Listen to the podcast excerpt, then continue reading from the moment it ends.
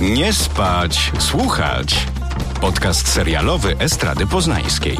Zapraszają Pat Tomaszewski i Kuba Wojtaszczyk. Dzień dobry w kolejnym odcinku podcastu Nie spać, słuchać. Choć u was dowolna godzina, u nas blady świt. Kubo, jak ci się wstawało? Nieprawda, jest 8.20, to już jest prawie południe. To już jest prawie południe. O której ty wstajesz? O godzinie 6. A ja wstałem kiedyś o 4.30, bo prowadziłem poranki na 6 i musiałem udawać, że jestem wyspany, by obudzić pół Poznania. Miałeś 20 lat wtedy. Myślisz, że mi się udawało? Nie wiem. Było tak, że przechodziłem na ósmą na te poranki. One były od 6 do 9, Kuba. No. No. No widzisz. Dzień dobry. O czym dzisiaj w 85. odcinku podcastu Nie Spać Słuchać? Chociaż nie wiem, czy te liczby już mają znaczenie, bo to odcinki specjalne i wszystko to już w kolejnym odcinku. Może tak. Bardzo ładnie. Uogólnienie zawsze jest istotne. Nie wiem, co gadam. Dzisiaj będziemy rozmawiać o dwóch serialach, które niedawno zagościły na takiej platformie y, Prime Video, czyli Amazon. Amazon trochę się prze, mm, przemienił w Polsce.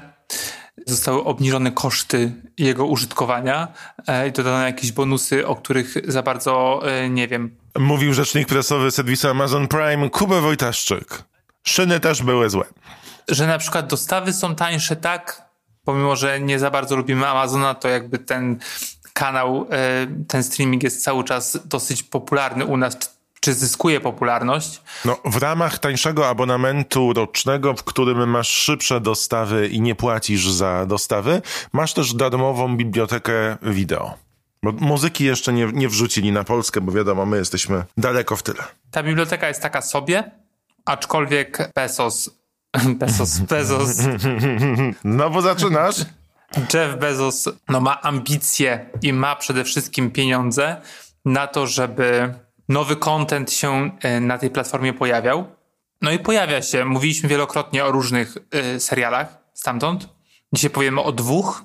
Nie wiem, czy chciałbyś, żebym już zdradził, o jakich serialach będziemy dzisiaj konwersować. No chyba są w tytule odcinka, no ale trzymajmy tą nutkę tajemnicy. Masz rację. Będziemy rozmawiać, będziemy rozmawiać o Kole Czasu, czyli The Wheel of Time, nowej produkcji fantazy mm, wspomnianego streamingu, jak również serialowej odsłonie filmu czy franczyzy z lat 90., czy końca lat 90. I Know What You Did Last Summer? Yes. Wiem, co zro... Jak to jest? Koszmar minionego lata. No właśnie. Kapitan Hook. Jennifer Love Hewitt, tak. Tak, to prawda. Bardzo zła aktorka. Tam jeszcze był taki, e, jak on się nazywał? Pri- Prince? Nie, taki aktor. Prince. Freddie Prince Jr. O A właśnie. potem przeszedł on, do Scooby-Doo, więc awansował. on też był bardzo marny. Jak ty masz Nigdy nie, miałem, nigdy nie miałem z tą franczyzą żadnych miłych skojarzeń. To znaczy ja chyba nawet widziałem może tę, tę pierwszą odsłonę. Chcesz powiedzieć, że ty nie byłeś tym nastolatkiem, który miał fazę na gore i horrory i oglądał wszystkie slashery, które w latach 90. wychodziły? Mnie się wydaje, że wtedy był taki trochę podział na, na tych, którzy bardzo lubią krzyk To jestem ja. i na tych, którzy y, preferują właśnie koszmar. To też ja zdecydowanie, zdecydowanie uwielbiałem krzyk, ale też lubowałem się na przykład w Candymanie z 92. Bo... I Serio? uwielbiałem i pamiętam, że I ba- dzieci kukurydzy też? Nie, tego już nie. Ale że bardzo się bałem Candymana, bo obejrzałem go chyba za wcześnie, e, jak na, na mój wiek. No bo 92 to ja miałem lat 6, więc wydaje mi się, że mogłem mieć jakieś 8, e, jak zobaczyłem na kasecie wideo. To więc To sobie idealny wyobraź, wiek. Idealny. czy mnie popsuł ten film? Być może. Ale ten, ten Candyman, tak samo jak Krzyk zresztą, urósł w mojej głowy takiej, mm, no nie wiem, takiego czegoś legendarnego. To nie był, wiesz, to nie był sentyment w żaden sposób, aczkolwiek bardzo się tego bałem. Tak samo jak miałem lat, chyba już opowiadałem tę historię, miałem lat 7 czy 8 i oglądałem Jurassic Park w kinie. Po raz pierwszy w kinie byłem i oglądałem Jurassic Park i spędziłem mm, cały seans pod siedzeniem ze strachu. I do tej pory to jest jeden z moich ulubionych filmów. E, uw- uwielbiam dinozaury, zawsze lubiłem. E, no i podobnie, A zbierałeś podobnie gazetę tak- Dinozaury, która wychodziła ze szkieletem? Ja nie miałem Oczywiście. drugiej, drugiego numeru i on niestety nie, nie był kompletny, mój dinozaur. A świecił ci w nocy? Tak, nie miał dwóch żebr. E, i, A to były po dwa żebra, tak, to były takie części. no właśnie. I tak samo miałem z Krzykiem i z Candymanem. I obejrzałem Candymana, zresztą Krzyk też w tamtym roku, po raz pierwszy od lat 90. pewnie. No i Candyman jest wspaniały. E, Krzyk oczywiście też, jest to bardzo cringe'owe teraz i oczywiście nie boisz się, a Candyman, wiesz, ma, ma tę drugą taką, drugie dno, bo tam jest o rasizmie. No ja Krzyk oglądam kilka razy w roku, ale właściwie no, to jest dobrze, że powiedziałeś, bo ten Candyman bardzo pokazuje też rasizm, a to był 92 rok. Sam Candyman to jest były niewolnik. Tak. I teraz wyszła e, kolejna część, nowa, tak jakby sequel, można powiedzieć, chociaż nie do końca. E, No i to jest słabe bardzo, jak w- tamtym roku bodajże. No, ale takiego czegoś nie miałem też z koszmarem, tak jak powiedziałem. E, Aczkolwiek na fali, no nie wiem, jakiegoś takiego sentymentu lat 90., które panuje i w telewizji, i w kinie, i w modzie, e, generalnie wszędzie, gdzie nie spojrzymy, te takie różne filmy czy, filmy czy seriale powracają w nowych odsłonach. No i wiemy, że w przyszłym roku pojawi się Krzyk, piąta odsłona bodajże, Ale tak i z oryginalnymi aktorami. Woo, woo. i aktorkami, tak. Będzie Neve Campbell, tak, będzie Courtney Cox, e, będzie David Arquette, twój ulubiony aktor. Jezu. Czy oni mają jeszcze mimikę? No nie sądzę. I to pisał też chyba, ojejku, że mnie pomylił, Kevin Williamson, tą piątą część. Ona w styczniu ma się pojawić w kinach. Trochę Tak, czekam. bardzo szybko. Ja czekam bardzo. E, no dobra, no ale może z, chciałbyś zacząć od koszmaru, ponieważ ja widziałem jeden odcinek, Ja widziałem całość. z czego przez ten odcinek przesiedziałem na telefonie głównie, więc no może zacznijmy. Wydaje mi się, że to będzie krótsza pogawędka niż o kole czasu. No to zacznijmy. Koszmar minionego lata, czyli I Know What You Did Last Summer. To był hit y, kinowy 1997 roku. Do teraz uznawany za jeden z bardziej charakterystycznych filmów grozy lat 90., bo razem z Krzykami ta seria Ulice Strachu i nowe odsłony Halloween wówczas królowały wśród młodzieży, która uwielbiała bać się na lata 90. Oznacza to, że były to filmy, które nie brały siebie na serio. Stąd też y, dobrze chyba pamiętamy wszyscy zakończenia koszmaru minionego lata i koszmaru następnego lata, które w ogóle nie miały względów racjonalnych z fabułą, bo mimo tego, że pokonano głównego mordercę, to zawsze on się pojawiał w łazience lub pod łóżkiem. To były wspaniałe sceny. Tak. No ale dobra, jest ten rok 97, koszmar minionego lata staje się hitem, Jennifer Love Hewitt ponownie staje się gwiazdką No ja jednak na fali popularności e, Jennifer Love Huey się nie załapałem. Nawet nie wiem, jak napisać jej drugie nazwisko Love chyba, nie? No, Love Fajnie sobie to nazwać. jest jej naturalne nazwisko, Kuba, wiesz, naprawdę. Grała na przykład w Zakonnicy w Raniu Ona grała 2. w drugiej części Zakonnicy Przebraniu, tak. I nawet I pamiętam, on. że miała na imię Margaret. Dobra, nieważne. W każdym razie ona nie gra w nowej wersji. Nie, nie, i nie ma też Julie James, miała wspaniałe imię i nazwisko. Dlaczego to pamiętam, nie wiem. Ale ten film wybił Jennifer Love Hewitt i potem grała w... Jak, nie wiem jak po polsku było, ale to było Heartbreakers z Rayem Lajottą i Sigourney Weaver. No i faktycznie miała kilka hitów y, telewizyjnych. Przecież grała też w Garfieldzie telewizyjnym, to ważne. Garfield the Movie. Bardzo, bardzo, bardzo ważne. I w jego drugiej części również. I tam był Ryan Philippe, jeżeli się nie mylę. Był też wspomniany przez ciebie Freddie Prinze Jr. i moja ulubienica, czyli Buffy, Sarah Michelle Gellar. Wówczas dla młodzieży w latach 90. to była obsada pod tytułem Trzeba ten film zobaczyć, to są nasi ulubieńcy z telewizji i slasher wracał do łask z takim przymrużeniem oka dla widza i wszyscy chcieli w tych chwilach wspólnego oglądania uczestniczyć. Teraz mamy lat później dwadzieścia kilka i wydawać by się mogło dla tych, którzy oglądali ten film, że będzie to bardzo trafny, podobny remake. Tymczasem dostajemy serial, który poza tym, że mamy podobną część fabularną, czyli że grupa znajomych potrąca po pijaku samochodem kogoś i po roku zaczynają ginąć na podstawie tego wydarzenia, to nic wspólnego z oryginałem nie ma. I'm here with the OGs. I need a burrito. No one will really know what we did. Did anyone see us that night? Even if someone knows what happened, they can't prove it. There is no redemption in this life. I tutaj proszę od razu odciąć wszystkie oczekiwania. I pytanie powstaje. Czy serial na podstawie książki z lat 70. i filmu z lat 90. trzyma się w roku 2021 i czy warto spędzić 8 godzin na serwisie Amazon Prime go oglądając. Kuba po pierwszym odcinku powiedział już, mm, tak poza nawiasem, że nie, bo oglądał na komórce, a ja zobaczyłem całość. No i co, chcę, żebym odpowiedział na to pytanie? Ja mam problem z tym, generalnie z rzeczami horrorowatymi w formie serialu. Hołdą Ponieważ dla mnie serial to jest taka, dla, mnie, dla mnie film horror to jest taka mm, kondensacja strachu, takich emocji. I tak naprawdę nie interesuje mnie, czy bohaterka X, czy bohater Y, jakie mają po prostu tło, jaką mają wielką psychologię zbudowaną. Co mnie to interesuje? Oni mają zginąć zaraz.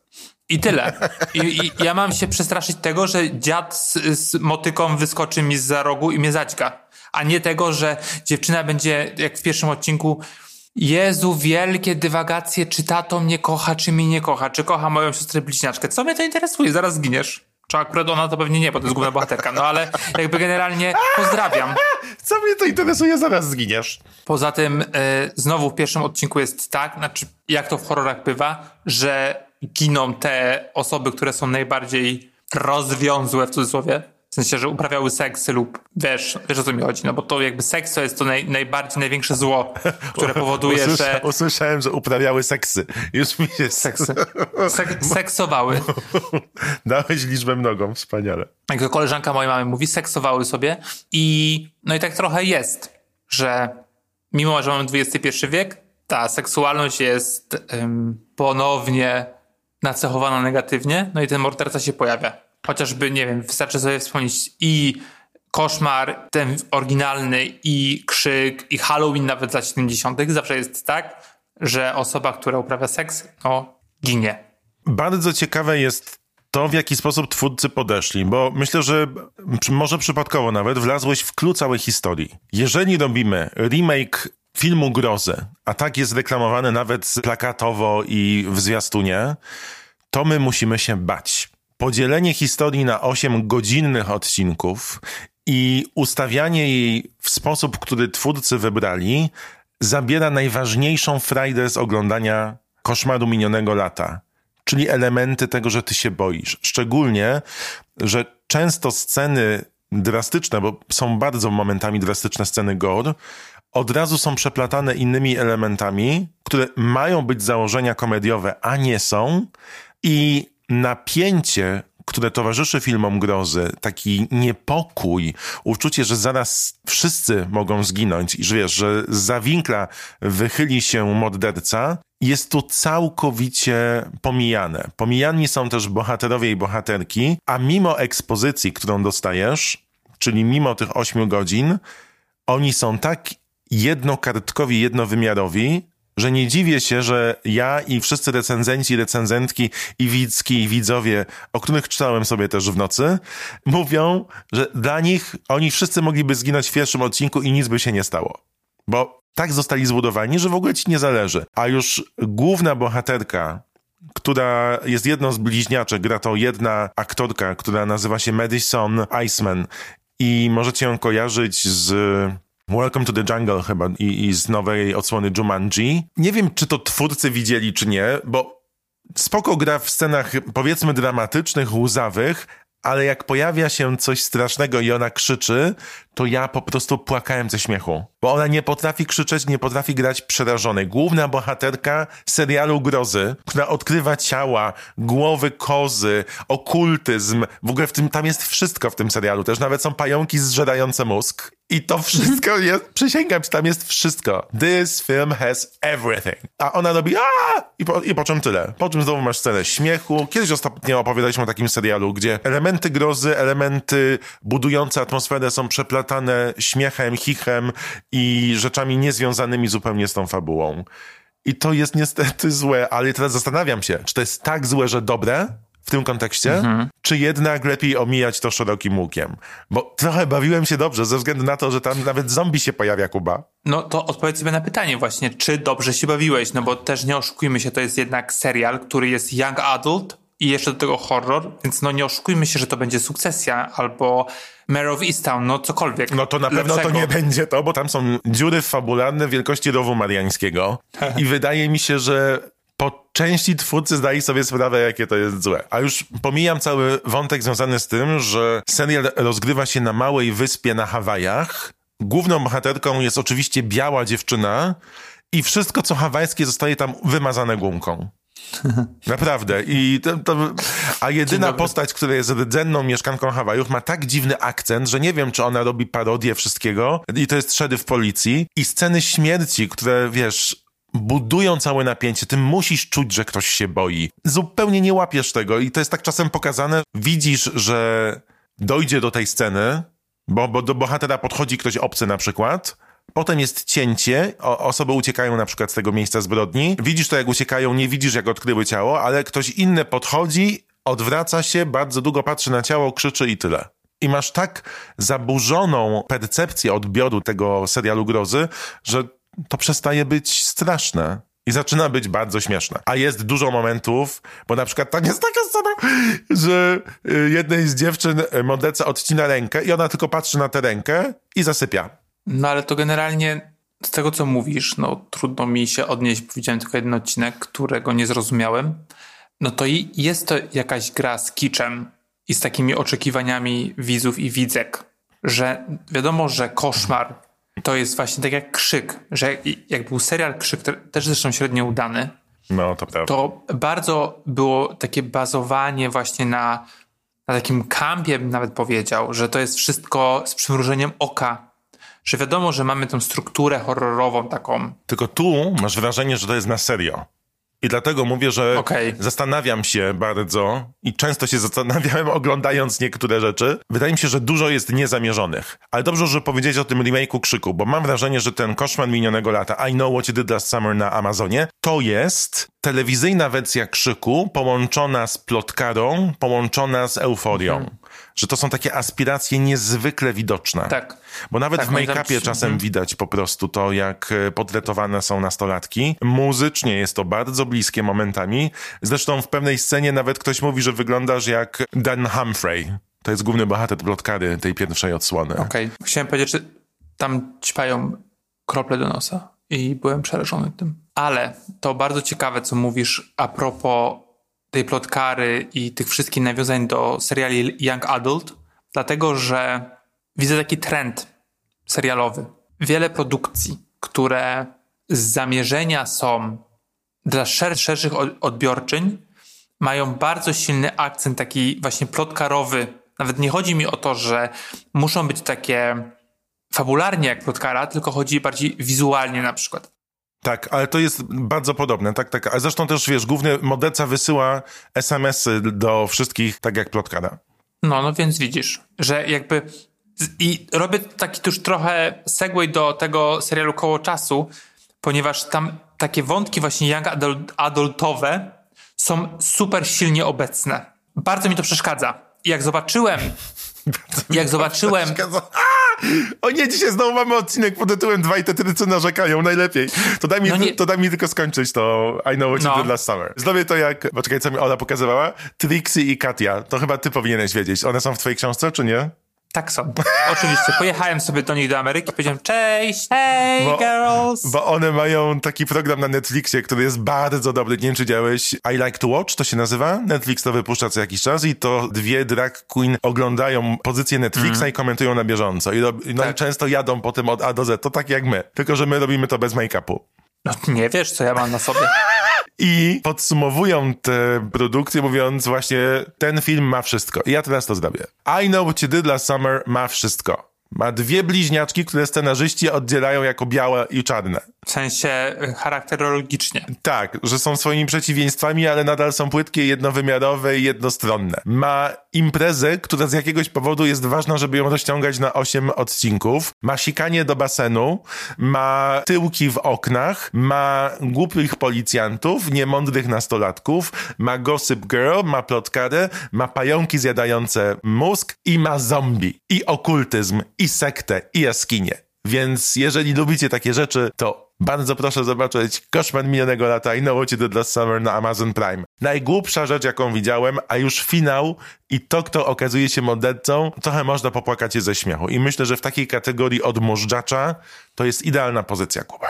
No dobra, ale jak to się ma do tego, że ty lubisz takie seriale jak You, na przykład, który jest z, z natury guilty Ja pleasure? przepraszam, You to jest Nobel przy tym. No okej, ja nie widziałem nigdy You, więc trudno mi się odnieść, ale no zastanawiam się, no bo to jest po prostu, z tego co opowiadasz, no to jest po prostu kwintesencja serialu Guilty Pleasure, czyli oglądasz dlatego, żeby oglądać i trochę się pośmiać, trochę, wiesz, pokręcić głową z absurdu widzianego na ekranie, no bo ten serial, mimo że nie trafia do mnie, ponieważ nagromadzenie nastolatków jest dla mnie too much, zakładam, że jakby tam grały dorosłe osoby, to zastanowiłbym się dwukrotnie, a jeszcze jakby się pojawiły tam, wiesz, jakby tam na się pojawiła Neve Campbell albo, albo ktokolwiek z przyjaciół.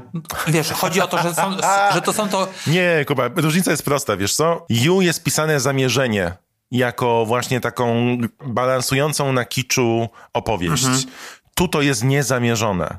Twórcy, zresztą we wszystkich wywiadach, bo czytałem, są stuprocentowo serio.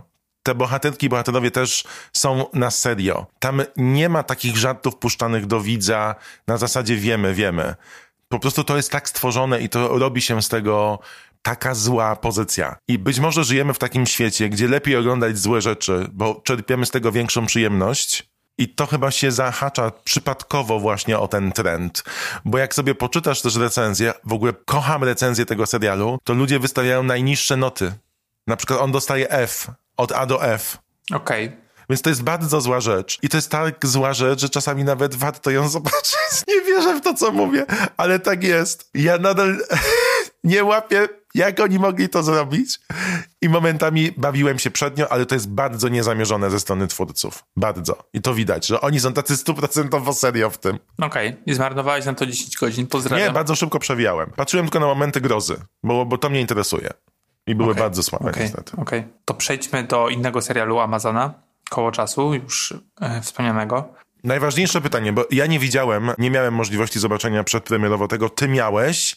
Czy tam są smoki? To jest dla mnie kluczowe. Nie, ale jest ktoś, kto ma być smokiem odrodzonym.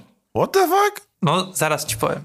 Koło czasu to jest takie trochę dziecko Jeffa Bezosa, czyli właściciela Amazona, który oglądając grę o Tron powiedział, że on chce mieć taki serial fantazy, który przyćmi popularnością gry o Tron i będzie o nim tak samo głośno. Odnoszono się do ostatniego sezonu gry o Tron, to znaczy do efektów specjalnych, do całego wystroju, e, scenografii i tak dalej, gdzie wydawano 6 milionów dolarów za odcinek. Oni, czyli Bezos, wydał 10 milionów dolarów za odcinek. Mamy tych odcinków 8 w pierwszym sezonie. A ile widziałeś? Widziałem 3. To. I Ja specjalnie do tego podcastu zobaczyłem 8. posłuchaj dalej. Jest to oparte na serii książek Roberta Jordana, które razem, to jest 14 książek, ma 2782 bohaterów i bohaterki. Trzy te książki napisał jego przyjaciel Brandon Sanderson, Po jego śmierci. Jo, po Jordan tak zdążył umrzeć. I pi- pierwszy sezon y, jest oparty na pierwszej książce, więc to jest spoko. Te książki są napisane, nie jak w przypadku Gry o Tron. Za produkcję tego serialu odpowiada Rafe Judkins, który zrobił między innymi Agentów S.H.I.E.L.D. To jest taki marvelowski serial. Jakby zagorzali fani Marvela lubią, ja niekoniecznie. Kręcą ten serial od 2019 roku. Dwa lata.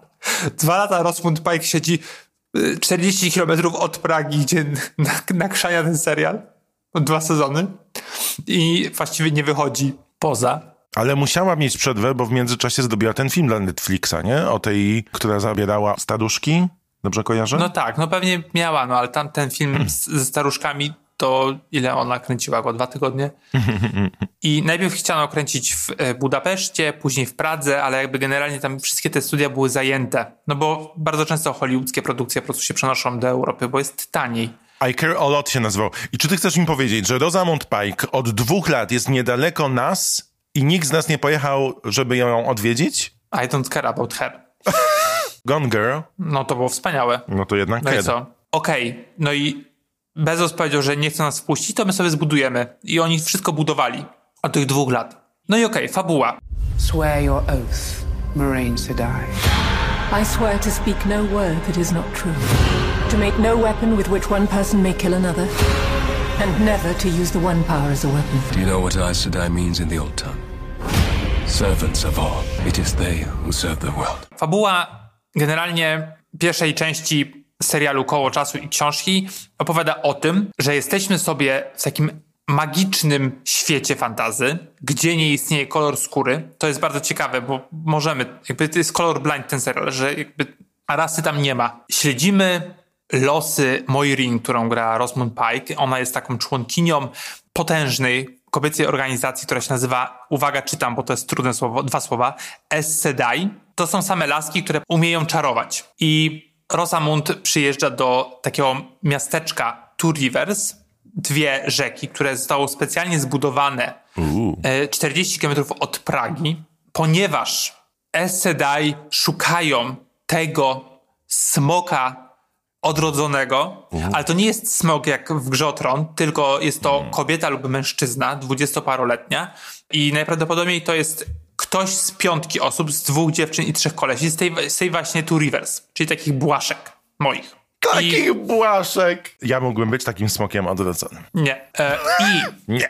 co jest ważne, no to ten smok odrodzony albo uratuje świat, albo go zniszczy. A Ponieważ przed, jeżeli przed czym ma uratować świat? przed siłami ciemności, Aha. które mogą, które mogą go jakby przyciągnąć na swoją stronę. No to jest taki klasyk, że mamy Mesjasza, czyli Dzień Dobry Star Wars, no i albo go weźmie Dark Vader, albo go weźmie Jedi.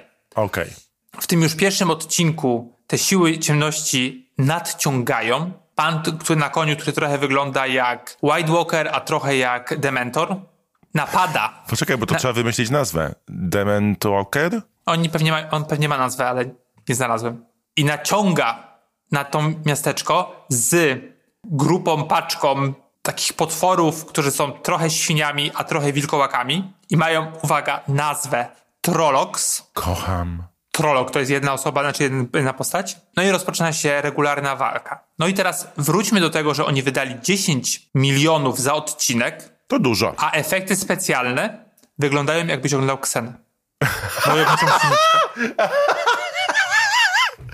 Jejku, czy są włochate gnomy? Ja bym mógł zagrać takiego. Są, on, tak właśnie te troloki wyglądają. No i słuchaj, ja oglądam to na komputerze, no bo mam te przedpremiery i na środku każdego odcinka jest mój adres e-mail, żebym czasami nie spoiler, jakby nie wrzucił do internetu. I ja mówię, gdzie jest to 10 milionów? I wiesz, od pierwszego odcinka zastanawiasz się, czy ty masz takie, wiesz, spiracone po prostu jakieś screenery, które jeszcze nie są, wiesz, podkręcone przez komputer, ale później zacząłem czytać recenzje, które się zaczęły się pojawiać, no i wszyscy tak krytycy mówią, że no sorry, te efekty specjalne 10 milionów, no, no na co to poszło?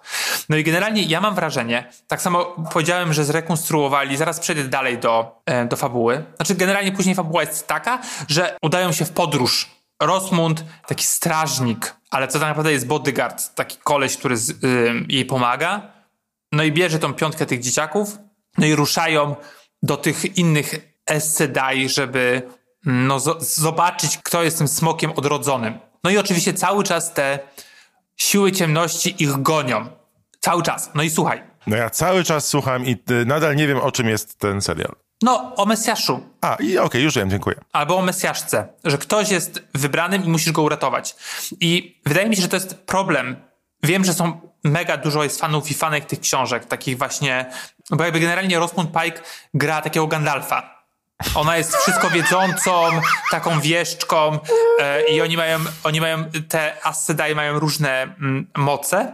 Między innymi jest pokaz w pierwszym odcinku. Możesz wyrwać kawałek cegły z bloku, znaczy z domu i uderzyć tą cegłą Trolloxa. Możesz zrobić wir wodny, który tego Trolloxa utopi. No to są takie pokazy właśnie siły. Dali to 10 em, milionów za odcinek. No i zbudowali między innymi to, to miasteczko Dwie Rzeki, które zostało zniszczone już w pierwszym odcinku, więc trwało dwa dni, było jakby na planie. I to wszystko wygląda jak rekonstrukcja osady w Biskupinie. Przestań, to jest dobra rekonstrukcja. Tam się płaci płacidłem. Płacidłem, oni też płacili płacidłem takim dosyć sporym. Ale nie odpowiedziałeś na najważniejsze pytanie, Kuba. Bo od piątku 19 listopada możemy obejrzeć trzy odcinki Wheel of Time. Czy warto? No właśnie nie wiem. Bo ja mam cały czas wrażenie, że aktorzy i aktorki gra, y, robią cosplay jakichś fantastycznych postaci.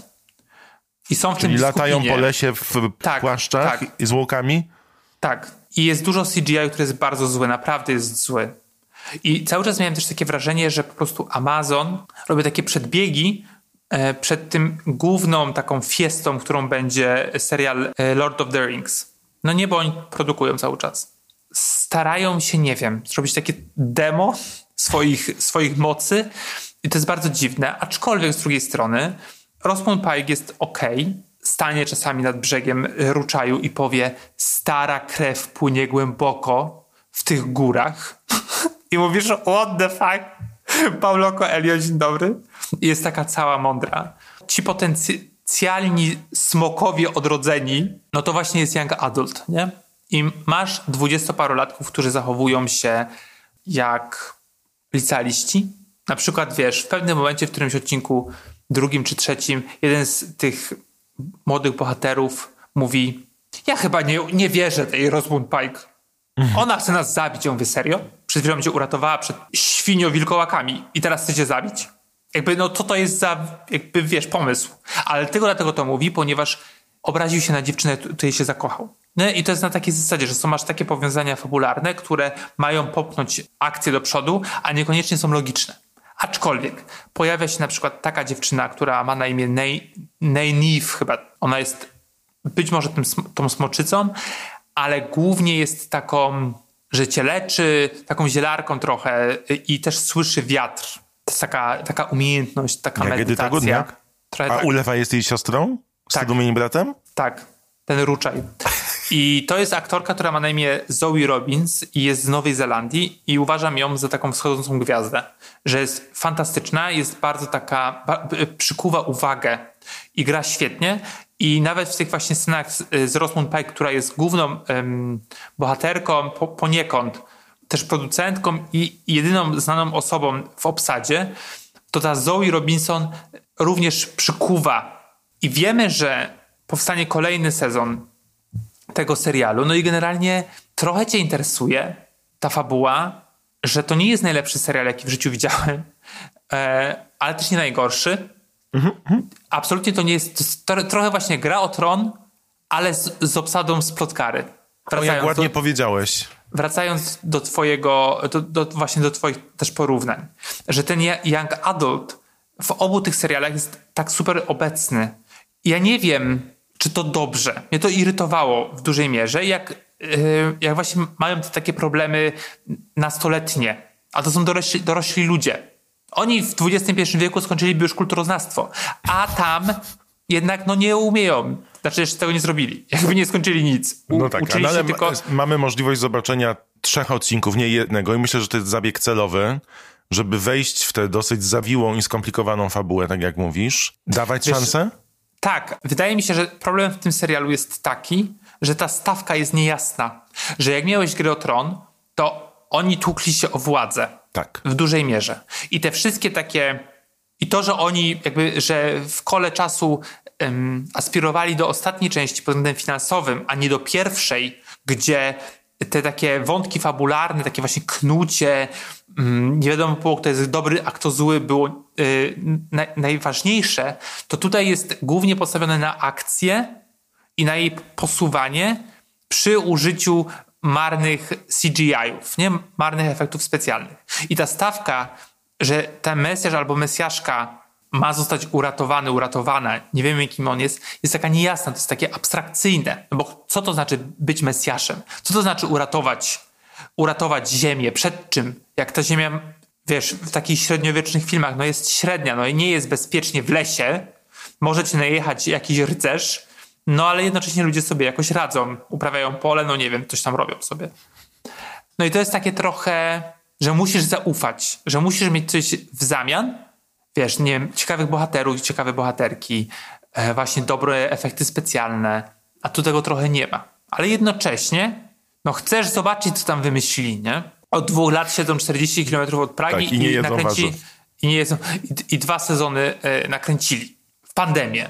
Więc no to jest ciekawe. Znaczy też pod takim względem, że rzadko się już to robi, że kręcisz, chyba że jesteś Apple, gdzie kręcisz po prostu Wszystko The i Morning. Show. Tak, The Morning Show, ile tam ci wlezie, 15 sezonów, pomimo, że jest beznadziejne, ale tak, tak stacje, e, tak producenci nie działają. Że wiesz, teraz są rozmowy, czy zrobić Mayor of Easttown drugi sezon, bo tak super się sprzedało i wszyscy to oglądali i tak dalej, a nie w momencie, gdy ym, debiutuje pierwszy odcinek. A tutaj już masz dwa gotowe, no i dostajesz pierwszy sezon, który jest taki niedogotowany.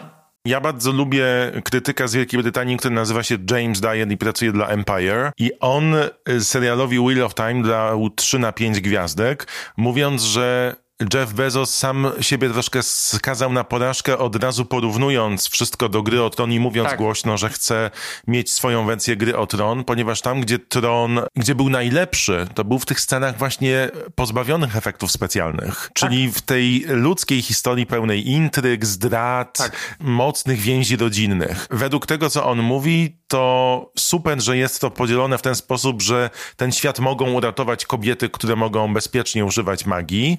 Natomiast on nadal nie wie, o czym ta historia jest, ponieważ jest przeładowana elementami fantazy, ale to tak, że bombardują cię z każdej strony. No tak, tak powiedziałem. I według niego to działa na niekorzyść e, serialu również, tak jak ty. Więc mówię, że nie jesteś jednogłosem w odbiorze. To prawda. Bo właśnie, no bo jakby nagromadzenie tej fantastyki, tych różnych wątków i bohaterów i bohaterek jest tak duże, że wydaje mi się, że to jest czytelne głównie dla osób, które przeczytały książki. No ale A, zobaczymy. okej. Czyli trzeba przeczytać 15 książek. No pewnie by to pomogło. Aczkolwiek wydaje mi się, że można sobie poświęcić, wiesz, godzinkę w tygodniu. To jest no ciekawe. No i to już wiemy. To jest koło czasu. Trzy o pierwsze odcinki dostępne są już na Amazon Prime w momencie, w którym ten podcast ma swoją premierę, czyli dla Pragi, dla Rosamund Pike i być może ciekawej fabuły, która ujawni się później, warto. Tak. Dla Zoe, Zoe Robbins. To przeczytam ci jeszcze opis, który może rzucić jakieś światło dla ludzi. W świecie, w którym tylko kobiety mogą bezpiecznie używać magii, czarownica Essendar Moraine przybywa do wioski w poszukiwaniu smoka. Reinkarnacji legendarnego bohatera. Po ataku bestii Trollocsów, razem z piątką możliwych kandydatów i kandydatek, wybiera się w podróż, by ocalić lub zgładzić świat. Ale ja to powiedziałem, Pat. Dokładnie to samo powiedziałem. Wspaniały opis. No tak, no tak to wygląda. Taki jest opis pierwszej książki. Czyli to jest taki top model i mam talent. No być może. I ona jest jedyną jurorką. No to świat będzie jurorem. Wy również, drogie słuchaczki, drodzy słuchacze, możecie być jurorami. Pamiętajcie, że możecie ocenić nasz podcast na najlepiej 5 gwiazdek. Bardzo dziękujemy za to, że wytrwaliście z tetrykami narzekającymi na dwa kolejne seriale. No bo jak robisz biskupi, no to chociaż go dobrze. Halo. Jakie piękne hasło na puentę tego odcinka. Jak robisz biskupin, rób go dobrze. Do usłyszenia. Pa! Nie spać, słuchać. Producentem podcastu jest Estrada Poznańska. Wszystkie odcinki znajdziesz na estrada.poznan.pl. Śledzimy losy Moirin, którą gra Rosamund Pike. Ona jest taką członkinią bardzo takiego mm, powerful e, organizacji złożonej z samych, samych Jeszcze, jeszcze, raz, kobiet. jeszcze raz powiedz to zdanie. powerful organizacji złożonej z samych kobiet, posiadających bardzo, bardzo dużo, y, y, y, bardzo dużo y, czego? Magii? Nie, jak to się nazywa? No, co, siły? Ale to zdanie jest moje ulubione.